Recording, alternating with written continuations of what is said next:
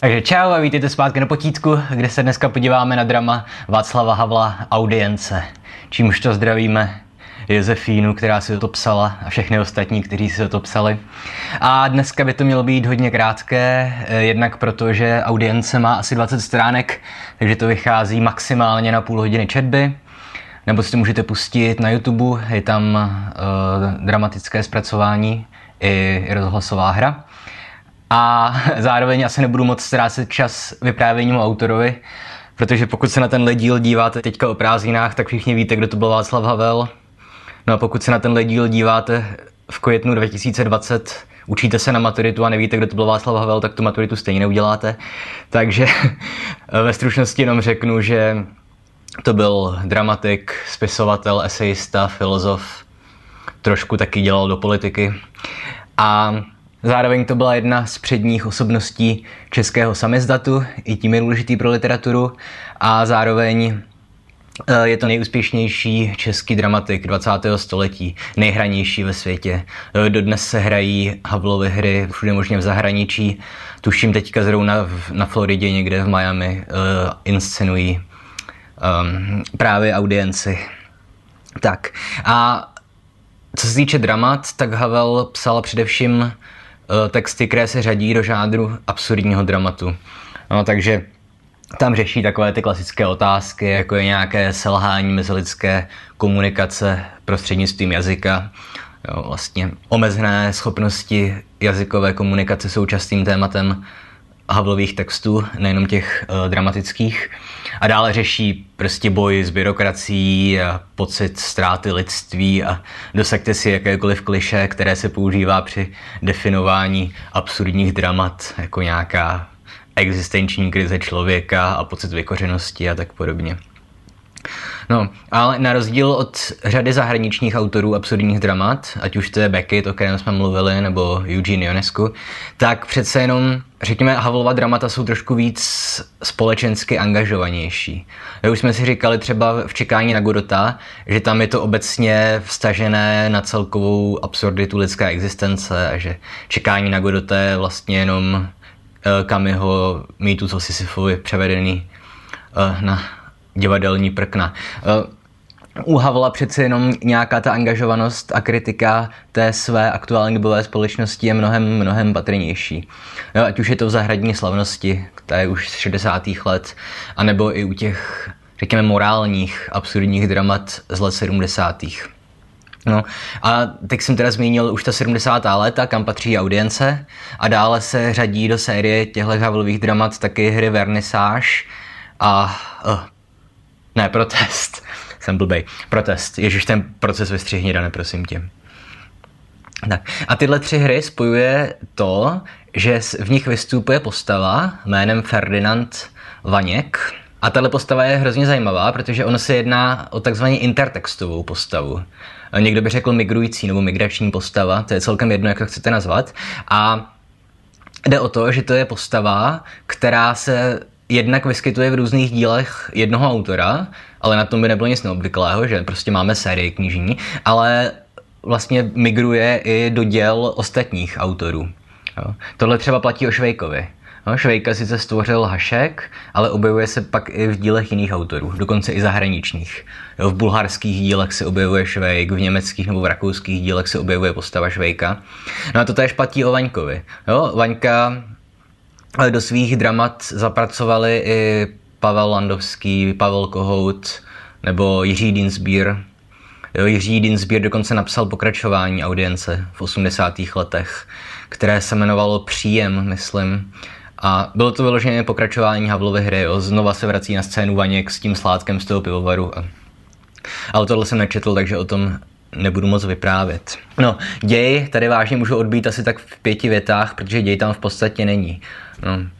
Ferdinand Vaněk, což je dramatik, který ale z politických důvodů přišel o místo v divadle a teďka pracuje v pivovaře, kde přikuluje sudy, tak si ho pozve na audienci, a už ten název je lehce ironizující, sládek toho pivovaru, bezejmený, a my sledujeme tu jejich konfrontaci. Tu konfrontaci toho tichého, vzdělaného a slušného intelektuála Vaňka s tím buranským a sprostým a nevychovaným sládkem.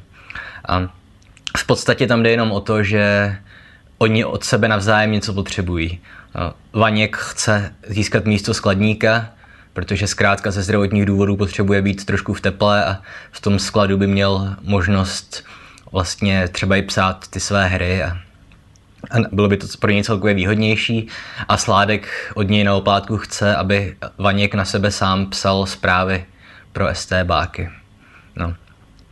A v podstatě Sledujeme tedy několik prvků typických pro absurdní dramata. Opakování promluv, postav, jo. dojem, že jsme, že jsme vlastně v nějakém bludném kruhu, dojem, že jsme, že jsme vlastně v nějakém bludném kruhu, který je umocněný už tím, že v závěru té hry se vracíme znova na začátek a zopakuje se tam první scéna. Takže čau a vítejte zpátky na potítku, kde se dneska podíváme na drama Václava Havla Audience. Takže vidíme, že to všechno pojede od začátku a co dál můžu říct o tom ději. Jo, celkově tam je hlavní motiv úplně očividně ten kontrast mezi těmi dvěma hlavními postavami, který už jsem zmiňoval. Tak a ještě bych asi měl říct, co říkám skoro vždycky u dramat, že lepší než to číst, podle mě je podívat se na nějakou divadelní adaptaci, nebo inscenaci teda. E, už protože já jsem našel dvě, jednu teda divadelní, jednu rozhlasovou a tam hrozně moc záleží na hercích. No.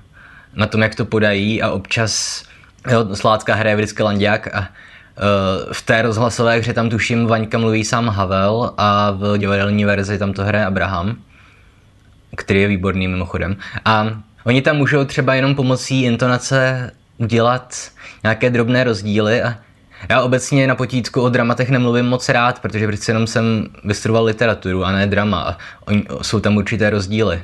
Jo, a já prostě teorii dramatu úplně nerozumím. Jo, ale třeba jsem to chtěl ilustrovat na tom jednom momentě, kde uh, se zeptá Sládek Vaňka, mluví o Bohdalce, že? Protože oni se tam jenom mezi řečí se objevují i některé skutečné postavy té doby. Jo, Bohdalová Jiřina, Karel Gott, nebo už zmiňovaný Pavel Kohout, spisovatel kterého Sládek několikrát překřtí na holuba. A on se optá v souvislosti s Bohdalkou ten Sládek a měl s ní něco. No a v té rozhlasové verzi tam řekne Vaněk, já? Ne.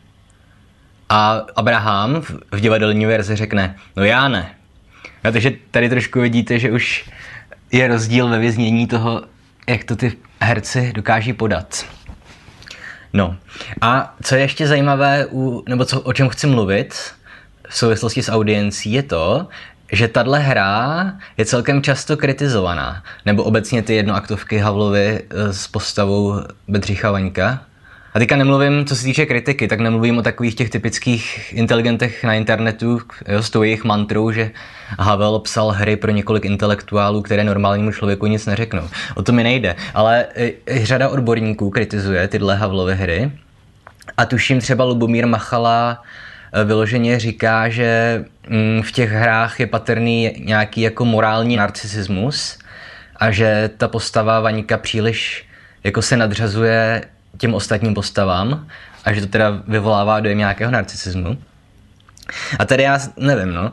Uh, nebo někdo taky ještě by mohl argumentovat prostě tím, že ten Vaněk eh, se prezentuje jako, že skoro nepije a mluví strašně slušně a pak někteří lidi říkají, že to je pokrytectví od Havla, protože on sám uh, prostě, že pil, to si budeme povídat. Jako tady zase ten problém pramení z toho, co já zmiňuji strašně často na potítku, že lidi a dokonce i odborníci v tomhle případě mají uh, potřebu Vanika podávat jako Havlovo alter ego a spojovat ho se skutečným Václavem Havlem a z toho pak vznikají tady ty výtky, že audience a ostatní hry s Vaňkem jsou pokrytecké nebo morálně narcisistní a tak podobně. Ale tady tady jako chápu to spojování postavy z fikčního světa s postavou z Lebensweltu, protože přece jenom Václav Havel byl osobnost, která byl aktivní na několika rovinách. Jednak jako dramatik, jednak jako esejista, filozof a jednak jako politik nebo dizident svého času. A on zkrátka všechny tedy ty roviny svého života často propojoval. No, takže já chápu, že lidi tíhnou k tomu vykládat samotného tu postavu Vaňka jako alter ego Václava Havla. Ale podle mě přece jenom prostě Ferdinand Vaněk se nemenuje Václav Havel v té knize. Jo. A už to, že to je migrující postava, která se objevuje i v dílech jiných autorů, kteří do něj třeba promítají nějaké své vlastní, ať už zkušenosti životní nebo autorské poetiky, jo. tak myslím, že tady ta výtka je dost jako nesmyslná. A zároveň, když už teda si vyzávorkujeme Vaňka a podíváme se na ní čistě jako literární postavu, tak já myslím, že z toho, co my můžeme vyčíst z her, ve kterých se vyskytuje, ať už je to protest nebo audience, tak on sám sebe podle mě nepovažuje za nějak jako nadřazeného těm ostatním postavám a myslím, že my můžeme vidět i to, že jich třeba do jisté míry lituje nebo že s nima soucítí. Jo. A občas je popíchne. Třeba v audienci tam jsem našel dva momenty, kdy si myslím, podle mě, že to je od Vaňka trošku zlomyslnost, protože v jednu chvíli mu říká ten sládek, já jsem sice blbec, ale jsem férový chlap. A on mu odpoví, to jste. No, takže tady myslím, že to je trošku popíchnutí, jakože zároveň mu říká i to, že je blbec. Jo. Nebo zároveň tam opět nevíme, jestli to je jenom nešikovnost Vaňkova, nebo jestli to je od něj zlomyslnost. Ale když mu tam Sládek vyčítá, že on mluví jak kniha a on tomu nerozumí kloudně, tak, tak Vaněk mu řekne, no jestli vás to irituje. takže tady opět nevím, jestli... Tady už by se záleželo na tom, jak to ten herec podá. No ale těžko říct. A především, podle mě Vaněk ve všech těchto dramatech je spíš jako vedlejší postava. Že my víme, že on je velice pasivní. On odpovídá jenom ano, ne, nebo ve velice krátkých větách, nebo jenom vždycky tomu Sládkovi potvrdí to, o čem on mluví. A, ale podle mě jednak teda ten Vaněk slouží spíš k tomu, než aby něco říkal o samotné své postavě, tak slouží k tomu, aby odhalil charaktery těch ostatních postav, které se tam vyskytují. Jo? Že ta jeho nějaká morální nadřazenost tam není nějak zvýrazňovaná, nebo nějak zásadně. A zároveň myslím, že v postavě Vaníka můžeme číst aspoň mezi řádky i určitou sebeironii. Že si uvědomuje to, že mm, jako on taky není zase až tak morální, absolutně morální, jak by se rád třeba sám sebe považoval. Protože vidíme, že třeba ta jeho pasivita v audienci trošku ustoupí vždycky ve chvíli, kdy on se snaží pro sebe získat to místo skladníka. Tam se nám vždycky rozpovídá. Tam začne používat trošku delší věty, někdy i souvětí, když se mu vážně chce. A myslím, že tam jsou přítomné i prvky toho, že on se pokouší s tím sládkem trošičku manipulovat. No a v čem především vidím určitou sebeironii nebo polemiku s tím dizidentským postojem plným morálky a principů, tak to nacházíme v té závěrečné dlouhé promluvě Sládka, kdy, že on mu nabídne teda, že mu dá to místo skladníka, pokud na sebe Vaněk sám bude psát udání. A on mu řekne Vaněk, že to nemůže udělat, protože by tím vlastně šel proti svým principům. Jo. A tady já teďka budu muset citovat, ale můžete si to pustit, protože zkrátka tohle vyžaduje nějaké herecké schopnosti, které já nemám žádné. Takže cituji Sládka. Tak nemůžeš, ty teda nemůžeš. To je výborný. Teď se stra vybarvil, teď se stra ukázal. Na mě se vykašleš. Já můžu být svině. Já se v tom bahně můžu patlat. Na mě nezáleží. Já jsem jen obyčejný pivovarský trouba. Pánovi tomu jde o princip. Ale co ostatní, na to už nemyslí. Jen když on je hezký. Princip je mu milejší než člověk. Teplej flek ve skladu. To bys ode mě vzal. Ale vzít si kousek svinstva, ve kterém se musím denně brodit, to už se ti nechce. Konec citace. No. A tady někdo by to mohl interpretovat prostě jenom jako výlev opilého burana, prostě neslušného a, a cokoliv mu chcete přišknout za atributy. Ale podle mě v téhle promluvě je zrnko pravdy ze strany toho sládka že zkrátka ten Vaněk byl by pro něj opravdu takový problém sám na sebe sepsat nějaké udání, nebo ne udání, zprávu, jak mu tam říká ten sládek, když on by si tam mohl psát, co by chtěl a mohl by vlastně i tu tajnou policii manipulovat. No, takže tím by prostě nikomu neublížil. Snad kromě těch STBáků, kteří prostě komu na nich záleží. Ale on přesto to odmítne, jen a pouze kvůli principům. A myslím, že tady má Sládek skutečně pravdu, že říká princip je ti milejší než člověk, ale, jako, ale vzít si kousek svinstva, ve kterým já se musím denně brodit, to už se ti nechce. No. A tady myslím, že na tom něco je a že se to uvědomuje i Vaňkova postava. No, nebo, nebo chcete-li tak Havel prostřednictvím Ferdinanda Vaňka. Protože přece jenom, jak napsal v té samé době, tuším, Ivan Slavík, další z autorů, kteří byli mimo ten oficiální literární život v té době, tak on napsal parafrázu pokud společnost žije ve sračkách, neumaže se jenom ten, kdo se vznáší. Jo? A myslím, že tady se trošku ukazuje, že to vaňkovo vznášení se taky není možná jediné správné řešení. A zároveň v samotném závěru té hry Vaně vlastně klasné na tu sládkovou úroveň, kdy vypije na ex pivo a řekne, že to je všechno na hovno. No. Takže tím taky myslím, ta postava toho morálně narcisistního dizidenta je trošku narušená. Hmm. No a nevím jako moc, co víc o tom říct. Jo.